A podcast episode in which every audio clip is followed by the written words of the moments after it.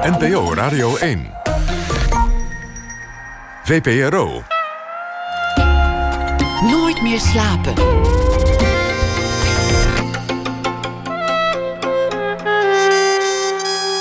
Met Pieter van der Wielen. Goedenacht en welkom bij Nooit meer slapen. Als jonge man was hij diepzeeduiker, dook naar schatten uit de oudheid. Het leverde hem een levenslange liefde voor die oudheid op. Inmiddels is hij al 15 jaar met pensioen, maar productiever dan ooit. Zo'n beetje elk jaar verschijnt er een boek van hem over een historisch onderwerp. Van de Olympische Spelen, de apostelen, de gladiatoren, Jezus zelf of een van de vele keizers. Fik Meijer is hier, historicus met het mooie stemgeluid. Naast boekenschrijven treedt hij ook vaak op op de radio of televisie. En hij geeft rondleidingen. En een van de plekken waar hij die rondleidingen geeft is Sicilië. Een plek met een rijke historie.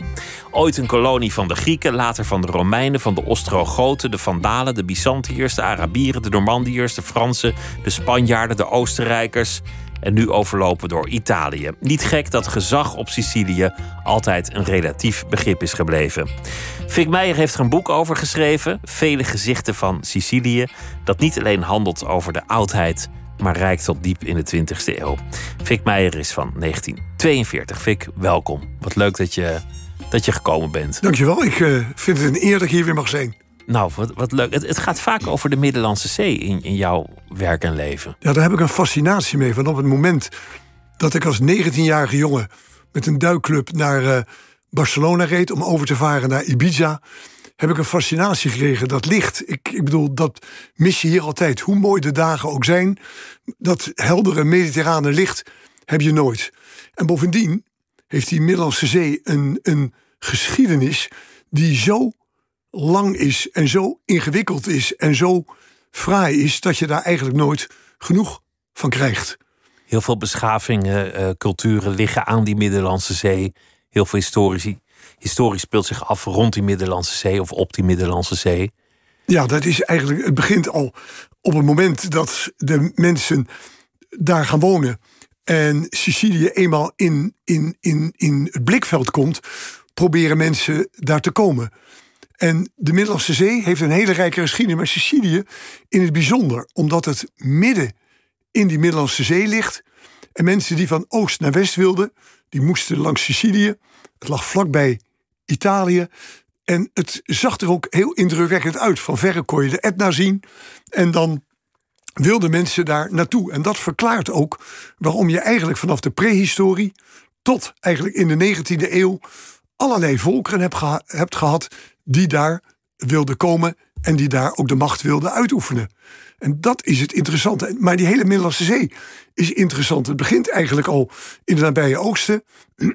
en dan gaat het helemaal door naar het westen. En ja, groot, grote geschiedenis. Wat, wat ging je eigenlijk duiken toen, toen, je, toen je daar als, als jonge man uh, kwam? Wij gingen daar eerst heen met een duikclub. Gewoon om te genieten van het prachtige ding. Later werd ik daar zeilinstructeur. En tijdens mijn uh, instructeurschap bij een Franse organisatie uh, dook ik ook naar uh, Amforen. En toen ontmoette ik daar ook de basbaritonzanger Bernard Kruijsen, de, de, de, grote zanger. En samen hebben we toen ook wat amforen opgedoken. Wat, wat voor amforen waren dat? Romeinse amforen uit de tweede eeuw voor Christus. En die lagen daar gewoon op de bodem? De tweede eeuw na Christus, moet het goed zeggen. Ja, ja. Die lagen daar op de bodem. Maar je moest heel veel moeite doen om erbij te komen. Want uh, die amforen, er was al op dat wrak al gedoken. En daar lagen dus alleen maar amforen, half onder het zand en half daarboven. Dus je moest ze heel voorzichtig uitgraven. En omdat je maar beperkte bodemtijd hebt, uh, duurde dat nogal enige tijd. Want je moet weer zuurstof halen of, zo. Ja, je, moet, ja je, je hebt je flessen op je rug. Maar je moet, als je dan naar boven gaat. Je bent de tijd beneden geweest, dan moet je decompresseren. Dus je, je bedoken daar, dat wrak lag op 30 meter. En dan dook je bodemtijd zo'n 20, 25 minuten. En dan moest je ook een minuut of 20 decompresseren. om niet de kersonziekte te krijgen. En zo hebben we toen wat amforen. Uh, uh, opgedoken. Wat deed je daarmee met die amforen? Ik weet waar je naartoe wil. Ja. Uh, eerst gaven we ze aan het museum. Maar het museum toonde geen belangstelling. En toen heb ik een van mijn jeugdzondes bedreven, want we kwamen in contact met een uh, antiquair. En die had belangstelling voor die amforen. En toen hebben we er een paar hebben we daar verkocht, zodat ik mijn verblijf in Ibiza, dat voor twee maanden zou zijn, kon rekken tot vier maanden. Dat, dat zou nu heel erg zijn als je dat zou doen. Ik weet niet hoe het toen zat in, in uh, 1961. Ook toen was het verboden. Ook toen was het verboden, maar, maar, maar tegenwoordig is het misschien En toen ik het later aan mijn hoogleraar Bastet, uh, de, de, de, de, de grote schrijver, vertelde... toen zei hij, achter zijn zoveel van die amforen. Uh, dus ja, ik heb er later wel spijt over betuigd in mijn boek over de Middellandse Zee. Maar toch, nu zie ik dat vaak, nu ik ouder word, als een toch een jongensavontuur waar ik ja, toch een beetje op terugkijk. Maar het, deugde natuurlijk van geen kant. Maar het was een gebruiksartikel voor, voor de Romeinen. Ja, het is niet een, heilige beeld of zo. Ja, en, en het museum, en dat was zo jammer, die had al heel veel van die amforen. Dus toen wij twee van die amforen kwamen brengen, toonden ze geen enkele belangstelling. En dan voel je je ook wel een beetje, in, een beetje verneukt. Dat je daar vol goede wil dat brengt. En, en, nou ja, en dat het niet wordt aangenomen. Toen kwamen we in museum een antiquair tegen. En die zei, ga mee naar een terras. En zo is het toen gekomen. Dat is natuurlijk met heel veel van die dingen. Ik denk dat als je in Athene met een scherf komt aanzetten... Ja. dat ze ook denken, godsamme, weer een scherf. Ja, ja, dat maar kan niet anders ze, zijn. Ze, ze, letten er wel op tegenwoordig. Ze zijn tegenwoordig natuurlijk veel, veel uh, kiener daarop. Ze letten daarop. En, en, maar wat nu, ik, ik, ik begrijp wel dat wat ik deed, dat dat echt ook helemaal fout was. Want ze zijn toen veel verder gegaan. Ook uh, uh, wrakken met kunst aan boord zijn gevonden. En die worden allemaal op de zwarte markt worden die verhandeld. Want dat is het, het grote probleem. En, en op Sicilië heb je zelfs een antiquair. Die had, had je een antiquair in de jaren 60. En die liet dan beelden nabouwen, namaken.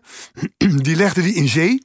Dan werden ze begroeid met allerlei uh, micro-organismen en, en, en uh, zeezaken. Uh, en dan werden ze later verkocht alsof het echte beelden waren. Want niemand kon het meer controleren. Als er maar algen op zaten, dan was het waarschijnlijk dan was het, al heel dan oud. Dan was het oud. En dan kon je ook niet meer alles precies herkennen. Dus dat is natuurlijk het, het, het, het ja, de excess die er dan gaat gebeuren.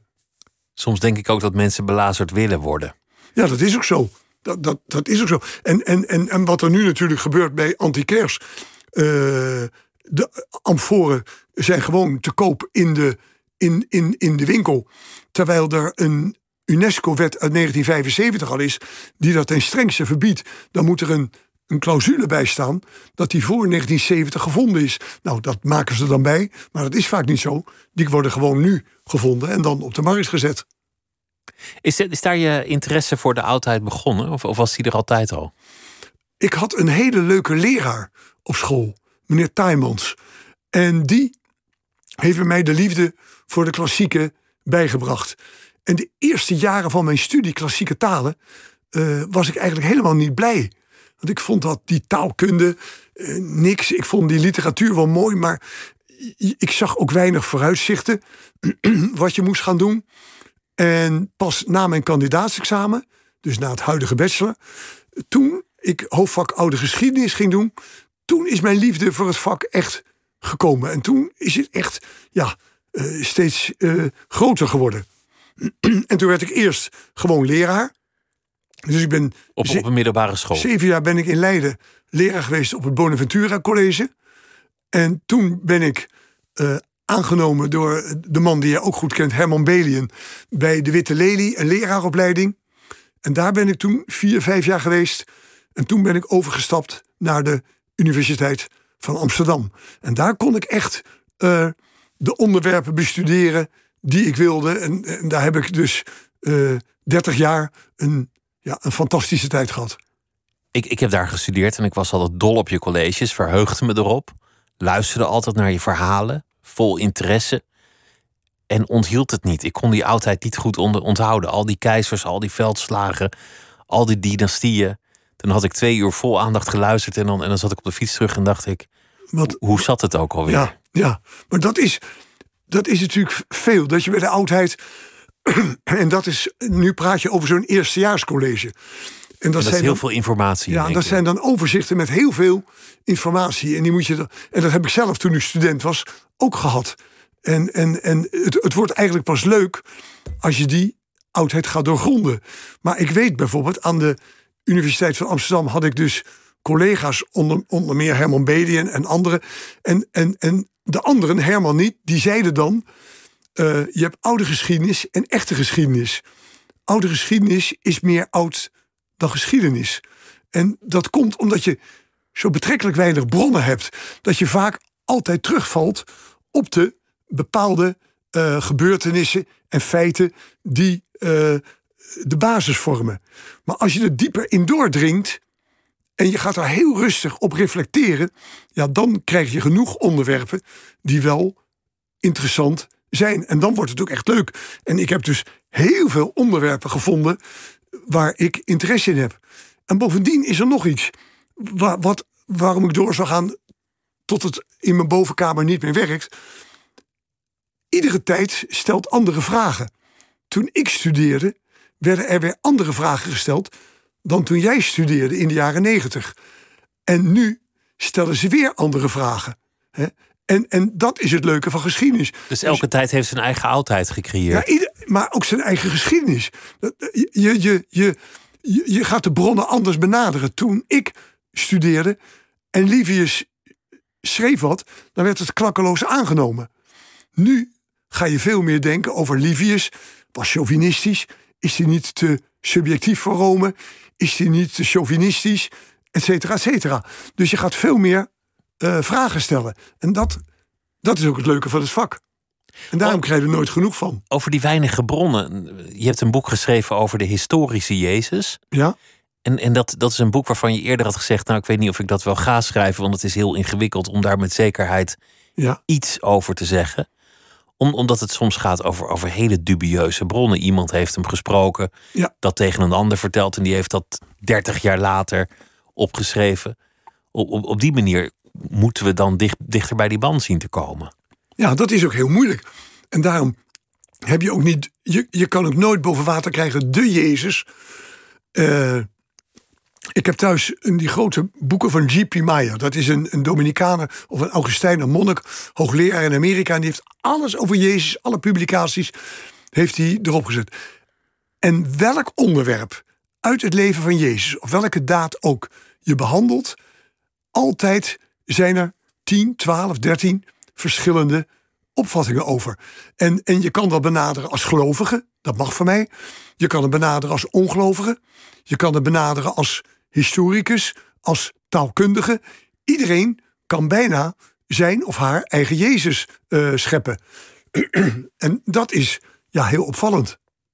Dat je, dat je op basis van die paar bronnen Ja. zoveel verschillende geschiedenissen kunt Ja, en schrijven. ik ben toen gaan schrijven, omdat eh, ik heb ooit vertaald met Marinus Wes uit Groningen, hebben vertaald de Joodse geschiedenis van Flavius Josephus uit het Grieks. 3000 pagina's uit het Grieks vertaald.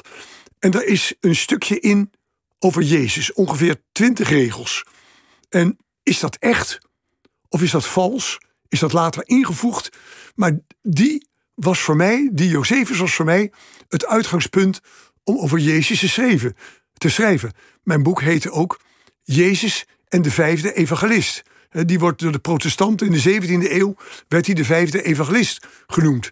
En aan de hand van Josephus ben ik dus teruggegaan naar het leven van Jezus. En omdat er in die tijd van Jezus waren er meer eh, mensen die zich de Messias noemden... of door hun volgelingen de Messias genoemd werden. En bijna allemaal mensen van laag allooi. En die zijn allemaal eh, eh, nou ja, op een slechte manier aan een einde gekomen. En die noem ik dan ook. En in het tweede deel ga ik dan in op het leven van Jezus. Want het is natuurlijk een buitengewoon boeiend leven. Ook al geloof je niet. Het is natuurlijk eh, uit sociaal oogpunt. Daar kan je er niks op tegen hebben. Er zijn prachtige dingen in het Nieuwe Testament.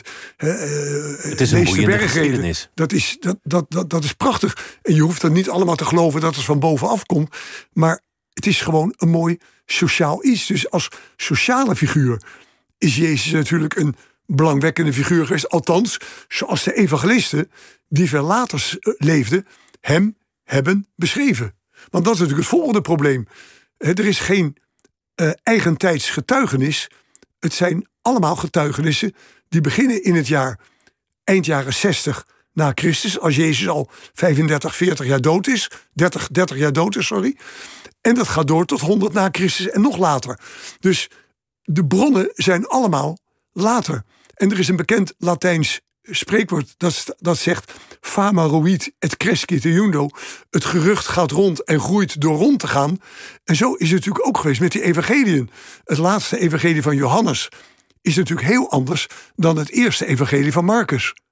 En dat maakt het ook zo boeiend. Moet je voorstellen dat, dat, dat, dat ik over 30 jaar iemand vertel over onze ontmoeting van vanavond en dat die dat dan Ja, opschrijft. Hoe betrouwbaar is dat nog? ja dat is dus via mondelinge overlevering is dat verder gegaan.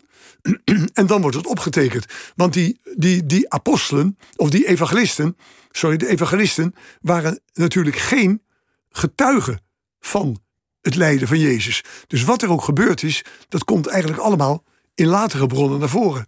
En dat maakt het ook zo boeiend. Juist, juist die weinige bronnen maakt het boeiend. Maar nu heb je volgens mij voor een van de eerste keren in jouw loopbaan geschreven tot, tot over de 20e eeuw aan toe. Ja. Met het boek over Sicilië. Tot de 21ste eeuw. 21e eeuw, Ja. want het, het, gaat echt door tot, tot nu. Ik eindig bij burgemeester Leo, eh, Leo Luca Orlando, de ge- burgemeester van Palermo, die de tegenstellingen tussen rijk en arm en vluchtelingen en, en Sicilianen wil overbruggen. Een, een, een, een hele eh, ja, in- interessante figuur. En daar eindig ik mee. En die is nu op dit moment is hij nog burgemeester van Palermo. En, en Hoe vond je dat om over de 20e eeuw te schrijven en over de 19e eeuw? Nou ja, eigenlijk, ik, vroeger zei ik altijd tegen mijn kinderen: mijn kennis houdt op bij 500. En eh, dus bij de Byzantijnen. En nu eh, heb ik mij gewaagd bij Sicilië aan een geschiedenis tot nu. Maar dat komt omdat ik heel vaak op Sicilië geweest ben, met veel mensen daar gesproken heb en ook een enorme liefde voor dat eiland heb opgevat.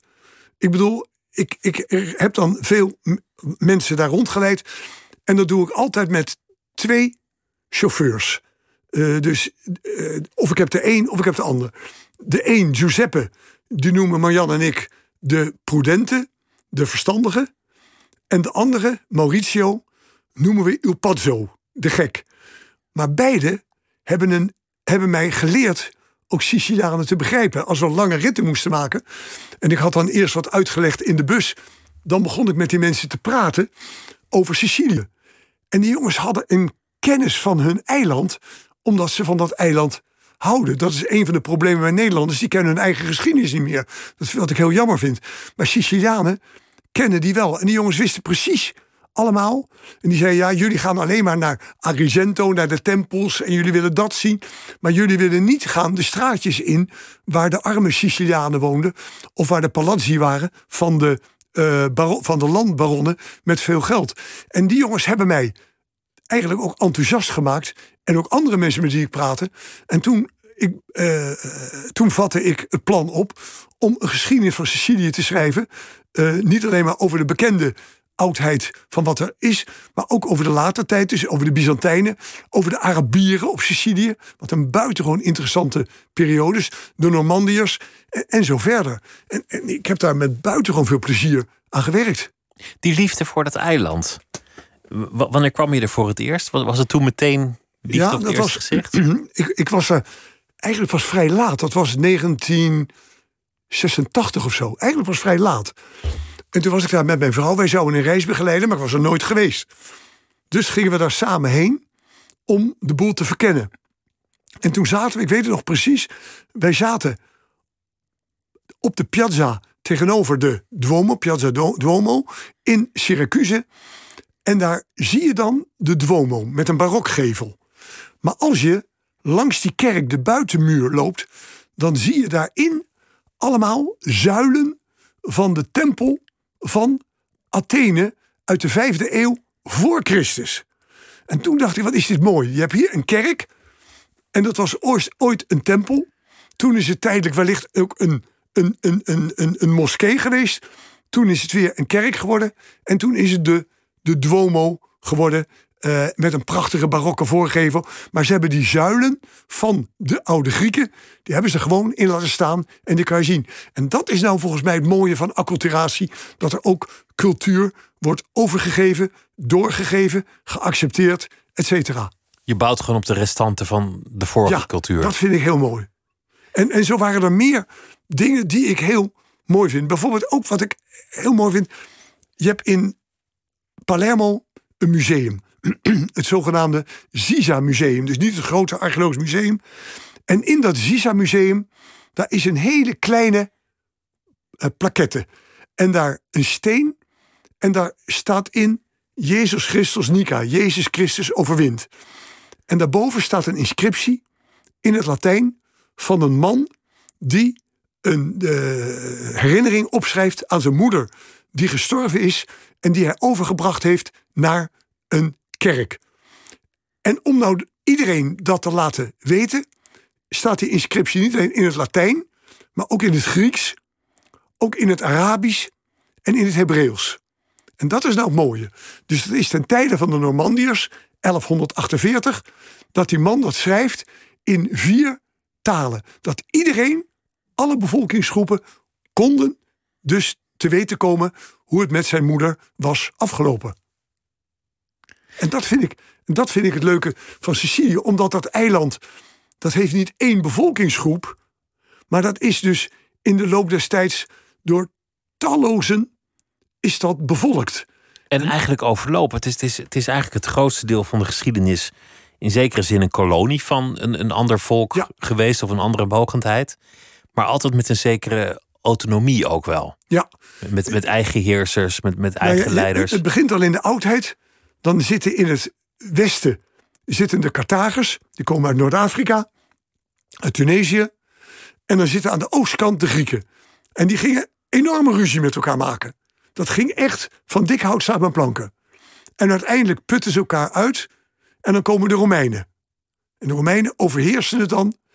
En dan valt het Romeinse Rijk uiteen. en dan komen daar de Ostrogoten, de Vandalen. En steeds komen er anderen. Dan komen de Byzantijnen, dan komen de Arabieren. En zo gaat dat door. En, en de gewone Sicilianen, die moesten zich voortdurend eigenlijk aanpassen aan steeds veranderende omstandigheden. Of dat nou was aan de Romeinen, of dat was de Byzantijnen, of later aan de Spanjaarden, of de Fransen, of de Oostenrijkers. Ze moesten zich eigenlijk voortdurend moesten zij zich aanpassen.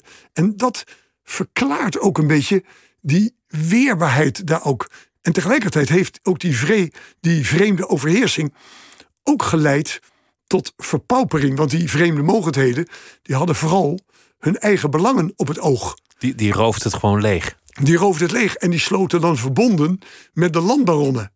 En die landbaronnen die buiten dan de kleine boeren uit. En die boeren ontvluchten dan hun akkers en vormden bendes op het platteland. En daar ligt ook eigenlijk al de oorsprong van die latere grote criminele organisaties, zoals de Cosa Nostra, de maffia op Sicilië. Dus die begint eigenlijk al in de 15e, 16e eeuw, beginnen die bendes die er wellicht ook al eerder waren, beginnen dan echt grote vorm te krijgen. Aanvankelijk op platteland en later in de steden. En dat loopt natuurlijk volledig uit de hand. Heeft dat ook te maken met, met dat er zoveel overheersers van buitenaf kwamen? Dat de mensen misschien in het gezicht van de nieuwe leider ja zeiden en intussen onderling tot een andere conclusie kwamen? Ja, maar er zijn ook heel veel opstanden geweest. In Palermo, Messina, uh, Syracuse, maar vooral Palermo en Messina aan de noordkant. Daar zijn enorm veel opstanden geweest. Maar die werden dan met keiharde hand werden die neergeslagen. En dan sloten de overheersers een verbond met de baronnen. En die baronnen steunden dan de heersers in hun strijd tegen de gewone uh, mensen. En dat is eigenlijk altijd doorgegaan tot ver in de 20e eeuw. Een vorm van verraad zou je het kunnen noemen. Want ook toen de Italianen kwamen, je hebt natuurlijk in 1860 de beroemde Mars van Garibaldi, die begint op Sicilië. En een prachtig verhaal met duizend uh, roodhenden, onder wie één vrouw.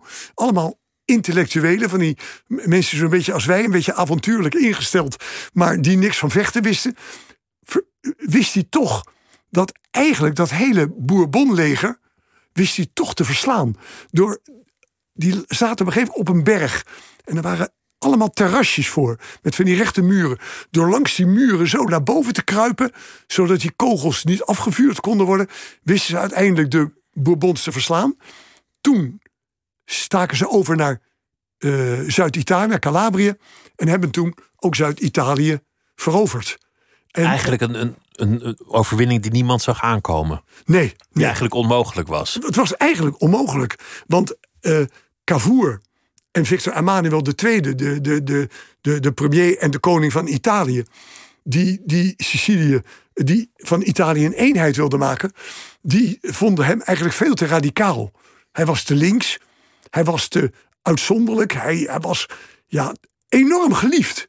Want Alexandre Dumas heeft nog een heel eh geheroïseerd verhaal over hem ook geschreven. Hij was in Europa op dat moment de populairste man. Als er verkiezingen gehouden zouden zijn voor het Europese parlement, zou hij als voorzitter gekozen zijn. Nou, en dat is natuurlijk het, ja, het, het, het mooie. En toen werd er op Sicilië gestemd. En daar zou ik je eigenlijk moeten laten, een plaatje moeten laten zien. In Palermo werd er gestemd van wilde je aansluiting bij Italië. En toen stemde van de 472.600 stemde 472.100 stemde voor. Maar eigenlijk ook omdat ze zo fan van Gari- Garibaldi waren. Ja, allemaal. Die was, en later werd hij toen op een zijspoor gezet. En toen is hij later nog een keer vanuit Sicilië gegaan. Maar toen werd hij door het Italiaanse leger, dat hem eerst gesteund had, werd hij toen in zijn been geschoten en zelfs gevangen gezet. Waarop in Europa een enorme protest, eh, protesten kwamen. En toen is hij uiteindelijk vrijgelaten, maar zijn rol was uitgespeeld. Zijn rol is eigenlijk maar een paar jaar geweest.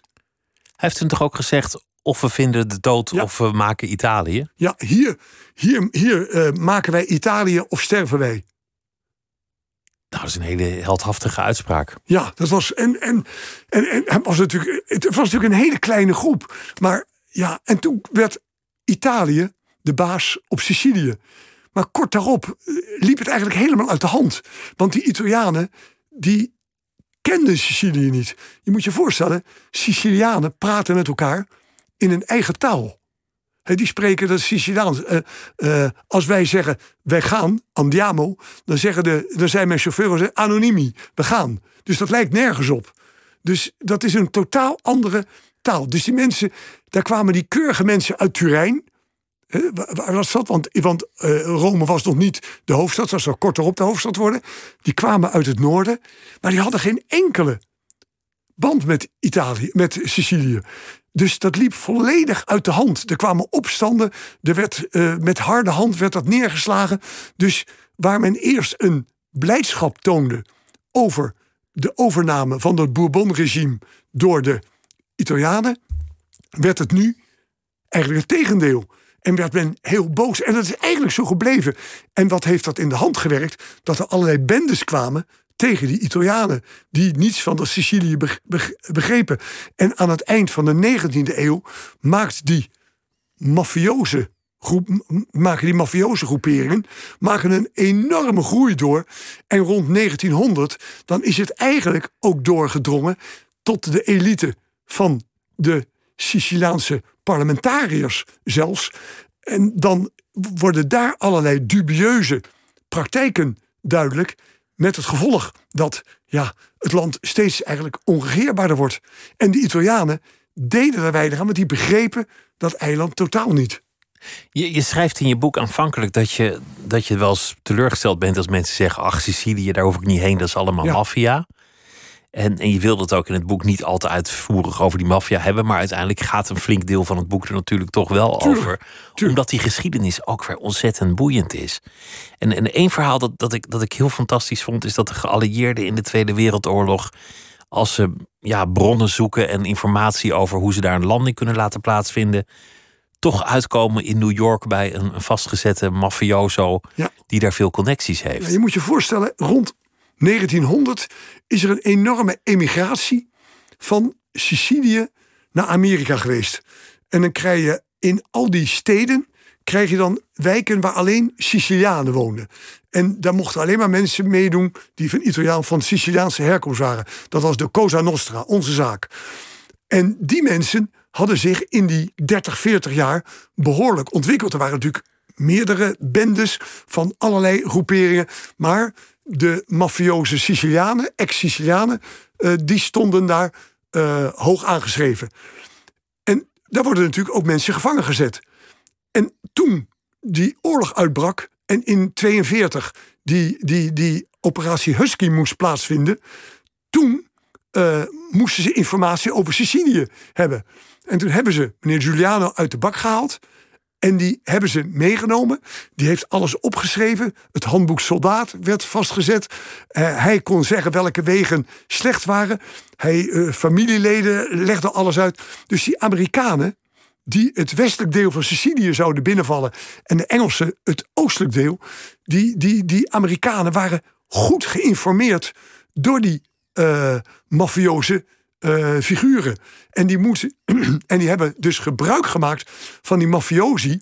Want die wilden dolgraag, omdat Mussolini... die wilde de maffia juist uitroeien als stof voor de wind moest dat verwaaien. Dus die Amerikanen die gebruik maakten van die mafiosi hadden daar een enorm voordeel bij. En die hadden ook, alle soldaten hadden het handboek soldaat. Dat had dan, zat dan op hun rugzak. En daar stond dan precies in welke besmettelijke ziekten er waren, dat er malaria was, dat de, ze van de vrouwen beter konden afblijven, want dan kreeg je meteen met Sicilianen aan de stok, en dat de Sicilianen buitengewoon vreed waren. Dus die Amerikanen waren vrij goed geïnformeerd over wat hen te wachten stond. En die hebben ook heel snel, hebben die ook dat westelijke deel van Sicilië kunnen uh, veroveren, terwijl de Britten die het oostelijk deel uh, moesten veroveren, veel meer moeite hadden, omdat de Duitsers daar allerlei linies hadden. Bij Augusta allerlei linies hadden geformeerd. En die Duitsers bleven vechten, de Italianen niet. Die gaven zich vrij snel over. Maar die Duitsers bleven vechten. En die Britten kwamen dus veel later aan in het noorden dan de Amerikanen. Maar uiteindelijk uh, hebben ze het gezamenlijk uh, veroverd. En toen werd uh, Sicilië tijdelijk bestuurd door de MGOT, een, een regering van Amerikanen en Britten. Die hebben dat een half jaar gedaan. En toen kwamen de Italianen. Ja, en toen begon weer de, de, de, de rotzooi weer opnieuw. Want die Italianen, die hadden weinig met Sicilië. Die zagen dat niet. Die snapten het gewoon niet. Die, maar, snap, maar die, die snapten het ook niet. Die, die helpers van de, van de geallieerden, die maffiabazen... die hadden daarna voor hun gevoel een carte blanche... om hun imperium uit te breiden. En omdat ze ook een soort semi-status als oorlogsheld hadden... werd ze ook een korte tijd niks in de weg gelegd. Er is nog een film over gemaakt in de jaren zestig, De Siciliaan dat, dat zo'n man daarna echt als een soort koning daar met zijn met rotte praktijken door kon gaan. Ja, dat ook in New York. Dat, dat, dat, dat gebeurt ook. Kijk, er zijn heel veel films over de maffia gemaakt. Maar opvallend is dat de meeste films gaan over de Amerikaanse maffia. En waarom? Omdat je de, de strijd hebt van bendes. Uh, van, van, van Duitsers, van Joden, van Amerikanen, van Sicilianen. Terwijl op Sicilië gaat het vaak over bendes die elkaar dan bestrijden. Want dat is natuurlijk het mooie. Er is niet één maffia, maar bijvoorbeeld de, de, de meest gruwelijke mafioso in mijn ogen, dat is Toto Riina. En dat is een man die in de jaren uh, 80, 90 een waar schrikbewind heeft uitgeoefend. De man heette eerst Il Corto, de kleine, want hij was 1,52 meter. En later heet hij het beest, omdat hij iedereen uh, uit de weg ruimde. En die voerde dan oorlogen tegen de maffiagroep van de gebroeders Greco, die in Palermo zaten. En dat zijn dan gewoon lokale gevechten die met enorm veel bloedvergieten gepaard gaan. Een beetje met wat je nou ziet bij die mokro-maffia in, in ons land. Er wordt nu ook gezegd dat Nederland moet uitkijken om niet, niet ook een soort Sicilië te nou, worden. Dat is wel waar. Er stond enkele weken geleden in de NRC een stuk van Saviano. Die dat boek over de Gomorra in Napels heeft geschreven. En die zei: Ja, jullie zeggen allemaal maar dat Italië, Zuid-Italië en Sicilië uh, zo ellendig zijn. Maar wat ik nu bij jullie zie. Jullie met al je uh, postbusfirma's die geen belasting betalen, uh, de, de, de mafiosi, de invoer van enorme uh, hoeveelheden harddrugs, daar hebben die Sicilianen nooit aan kunnen tippen zelfs. Alleen die Sicilianen, dat waren, die begonnen heel klein. En die gingen elkaar ook bestrijden. Maar dat zie je nu. Ja, eigenlijk hier, hier zie je dat ook een beetje gebeuren. Een soort narco-staat die ontstaat. Ik wil nog iets laten horen wat, wat toch ook echt bij Sicilië hoort. Om ook, ook de leuke kant ja. na, naast de maffia te Want die komen ook in het boek veel voor, hoor, leuke kanten. Bijvoorbeeld Bellini, ja. de, de componist. Ja, Bellini, daar heb ik over geschreven. Omdat Bellini, die ligt begraven in de kathedraal van Catania. In een prachtige grafsteen wordt hij zo, als het ware, ten hemel getild. En even verder is er een, op een plein een groot beeld waar hij dan zit en waar alle aria's van hem uh, opstaan. En de man is maar 36 jaar geworden en heeft natuurlijk uh, tien prachtige opera's gemaakt. En dat is de mooie kant van uh, Sicilië. Maar hij heeft een groot deel van zijn leven buiten Sicilië geleefd.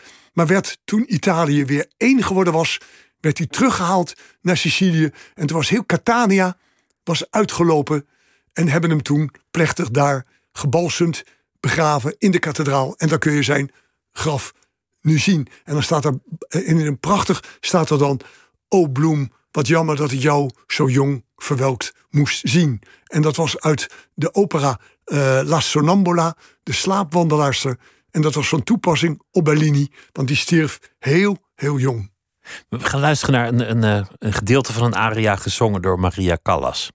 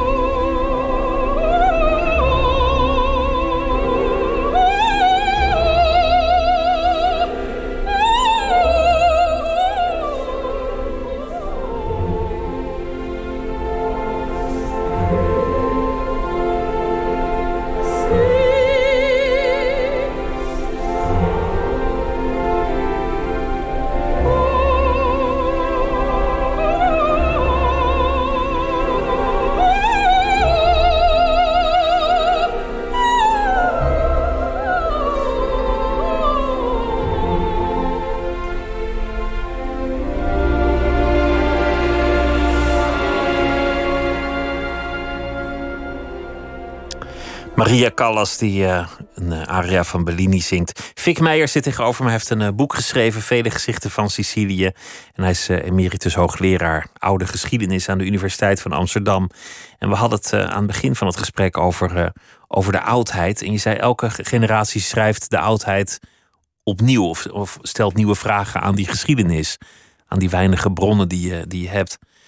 Is er eigenlijk, want, want dat zeggen historici altijd als, als het belang van het vak ter sprake komt, dat je die geschiedenis moet kennen, omdat je er ook lessen uit zou kunnen distilleren voor het, voor het heden. Nou ja, dat vind ik altijd... zie, zie jij dat wel eigenlijk met die nou, oudheid? dat vind ik altijd heel moeilijk. Ik bedoel, het, het, is natuurlijk, je moet van de geschiedenis leren, dat geloof ik ook. Je kunt alleen zeggen hoe het zich bijvoorbeeld ontwikkelt. Maar kijk, ik kan natuurlijk bij de oude geschiedenis zeggen... ja, de democratie van de oudheid, die moet je navolgen. Maar dat is natuurlijk niet zo. Het was allemaal kleinschaliger. Het was anders. Je, je, andere technologieën. Andere technologieën. En de omgevingsfactoren waren totaal anders. En, en je moet altijd uitkijken met te zeggen... ik leer daarvan. Ik bedoel, maar je kunt natuurlijk wel ik, ik, ik kan niet de toekomst voorspellen. Ik kan niet op basis van wat ik uit de geschiedenis geleerd heb, dan kan jij ook niet zeggen hoe het in de wereld over twintig jaar zal gaan. Want als je mij gevraagd had, uh, eh, 30 jaar geleden, zou de wereld er zo uitzien zoals nu? Dan had ik gezegd nee. Dan had ik nooit gedacht dat het zo zou zijn. Alleen al de technologische revolutie die er heeft plaatsgevonden de afgelopen uh, eh, 30 jaar vroeger, verfoeide ik iedereen die zo'n mobieltje had. Nu krijg ik van mevrouw op mijn lazen dat ik bij het ontbijt met het mobieltje in mijn hand zit. Om even aan te geven. Hoe eh, snel dat gaat en hoe, je ook zelf verandert. Hoe snel het allemaal gaat. En dat maakt het ook, ook, ook zo moeilijk. Ik bedoel, je, je, je ziet het bij regeringen, die hebben toch ook allemaal de geschiedenis gekend. Eh, maar ja, je weet niet hoe het zich ontwikkelt. Er zijn zoveel ongewisse factoren.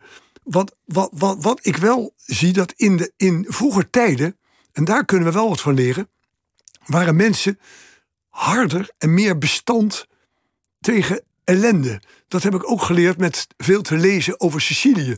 Die hebben dus in de loop der geschiedenis zoveel ja, ellende meegemaakt dat ze weerbaarder zijn dan wij.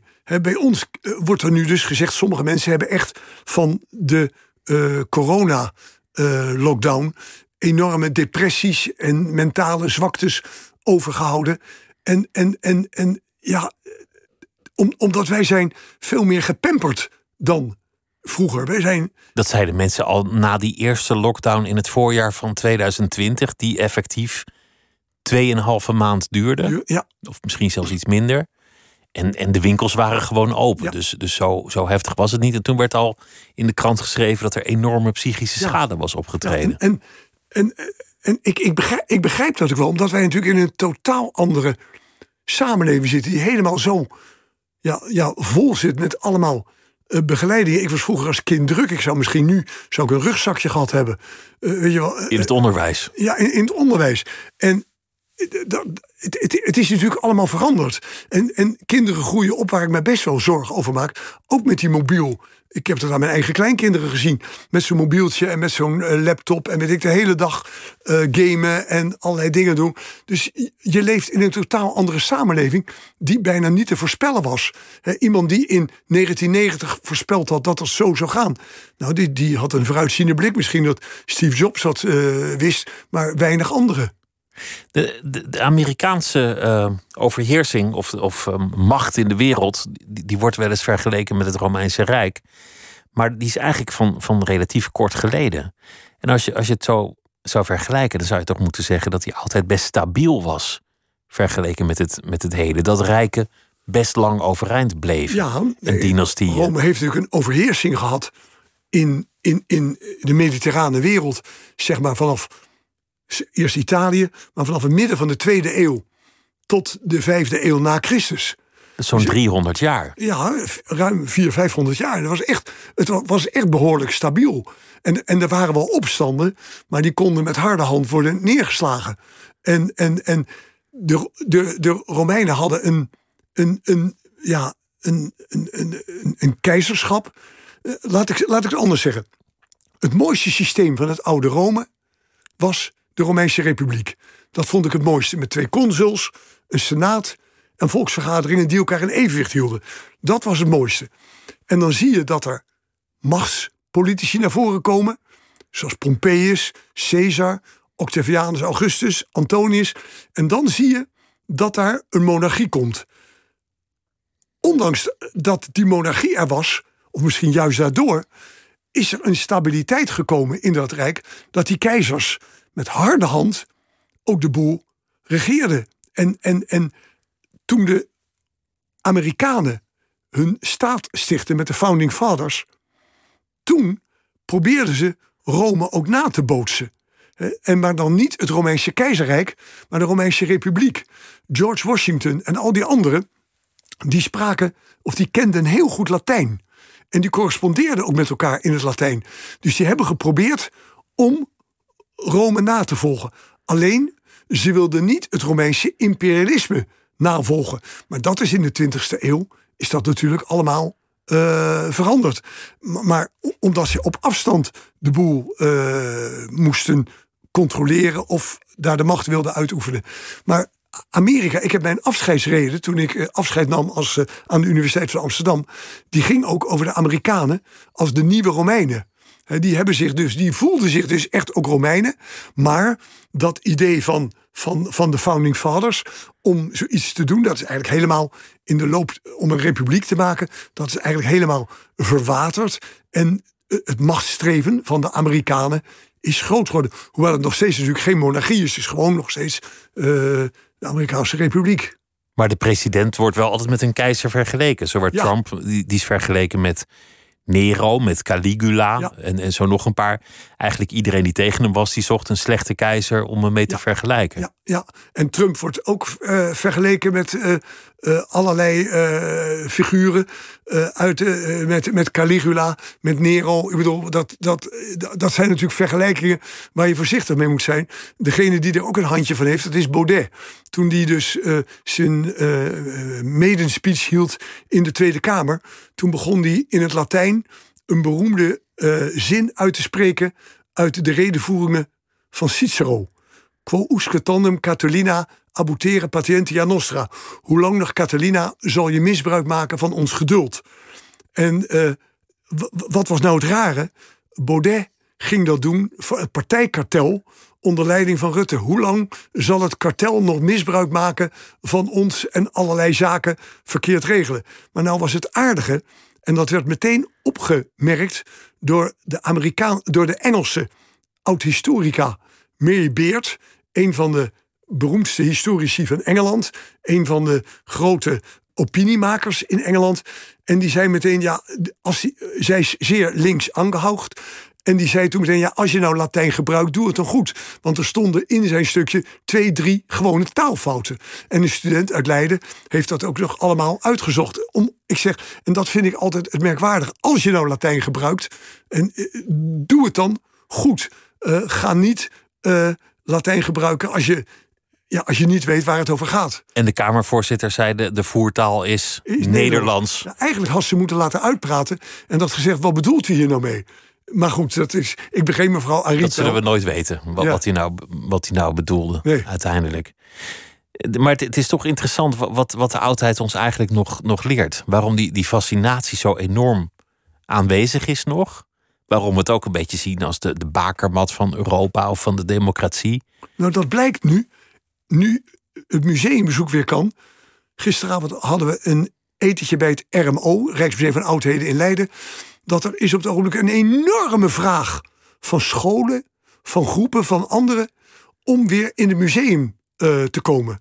Uh, die oudheden spreken gewoon tot de verbeelding. Op een of andere manier is dat toch eigenlijk mooi. Ik bedoel, gewoon soms een eenvoudige roodfigurige vaas met de mythologische voorstelling waar iemand dan wijnen drinkt, de god Dionysos, et cetera. Dat spreekt toch tot verbeelding, alsof dat een bijna een geïdealiseerde wereld is. Ik ben betrekkelijk slecht thuis in de mythologie, tenminste vergeleken met veel van mijn collega's. Maar die mythologie die is, heeft natuurlijk ook weer iets van dat er een bovenwereld was waar je je helemaal in kon verliezen. En dat is natuurlijk het mooie. Die boeken van Stephen Fry hè, over mythos en over Troje. Die zijn hartstikke goed geschreven.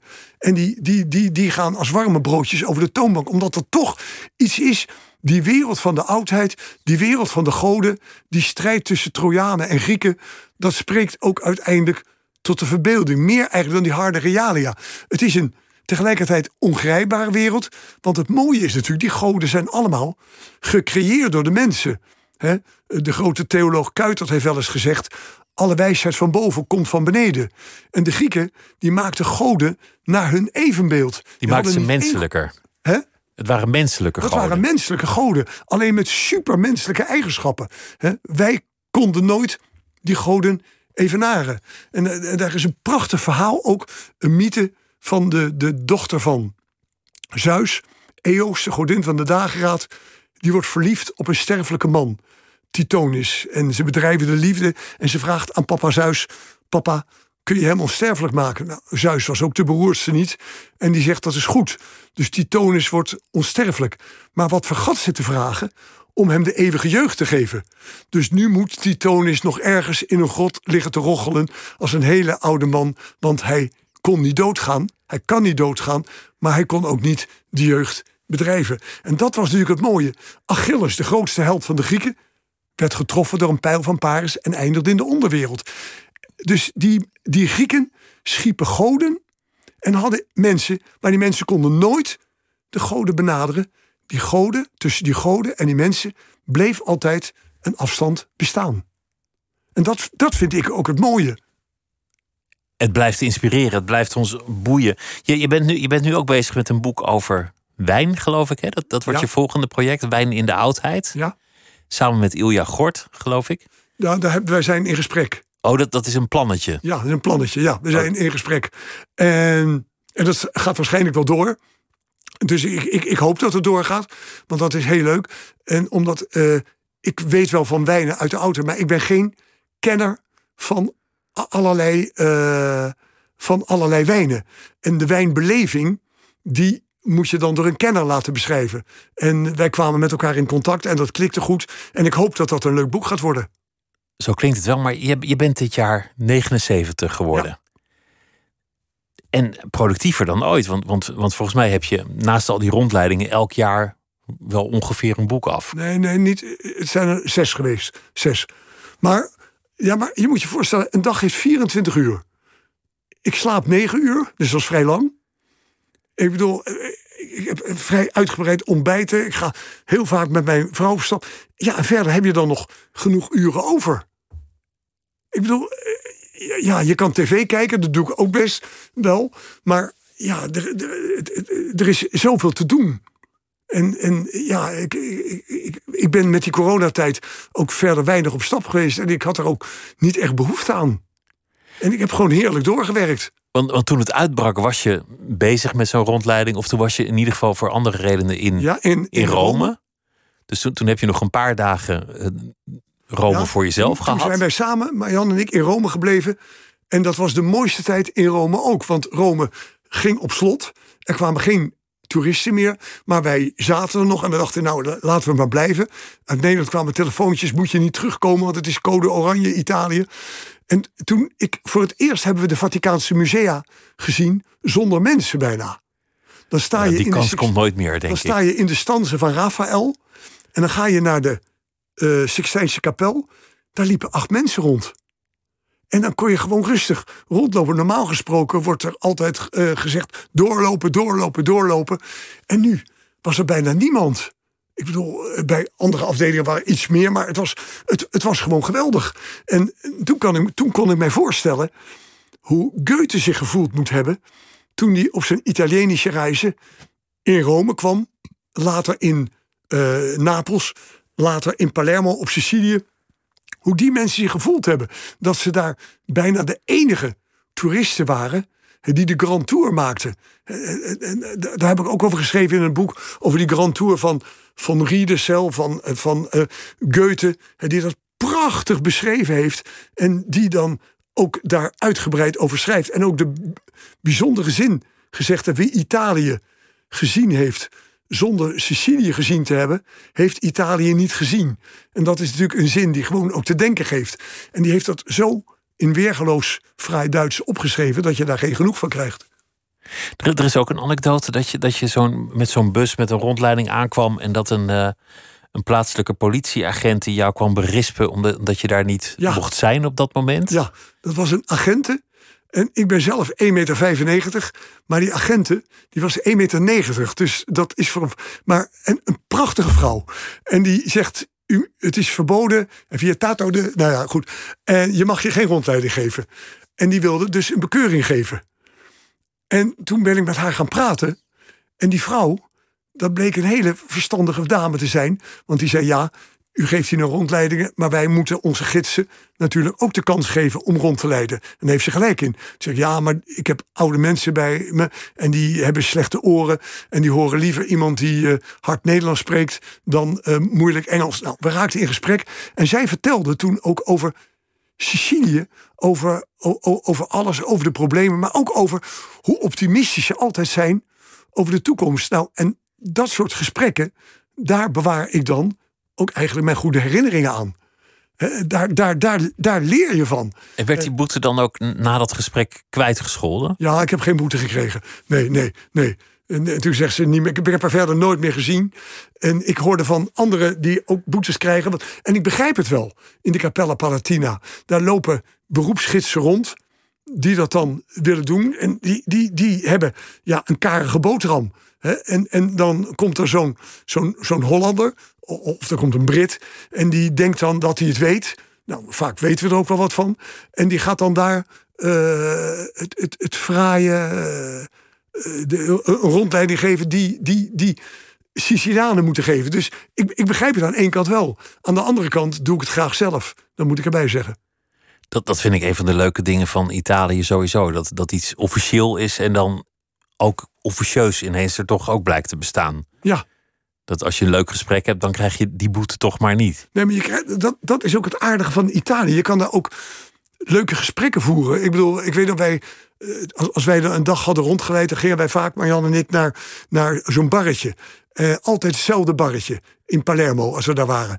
En die, die man die kon dan leuk vertellen ook. En die, die, die, die, die blijven op een of andere manier optimistisch, terwijl het toch best slecht gaat. Want de werkloosheid is natuurlijk enorm. Toen vorig jaar corona uitbrak, toen mochten er geen toeristen op Sicilië komen. Hoewel het aantal besmettingen op Sicilië minimaal was. Maar heel Italië ging op slot, dus ook Sicilië. En bij mijn ene chauffeur, Il Prudente, die woont in de bergen. Daar was in zijn stadje niet één besmetting. Maar toch mochten ze geen toeristen rondrijden. Dus, maar toch, en dan klagen ze niet over dat het, eh, dat het brood eh, ontstolen wordt, gestolen wordt. Maar ja, ze accepteren dat. Ze blijven blij. Ja. Het boek heet eh, Vele gezichten van Sicilië. Fik Meijer, dank je wel. Het was, eh, het was weer leuk om je over de vloer te hebben. Dank je hartelijk. Jij ook bedankt. En dit was Nooit meer slapen voor deze nacht. Morgen zijn we er weer. Een hele goede nacht. Tot morgen.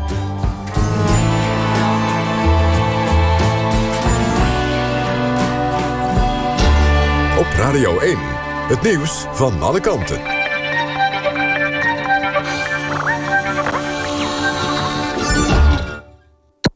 NPO Radio 1.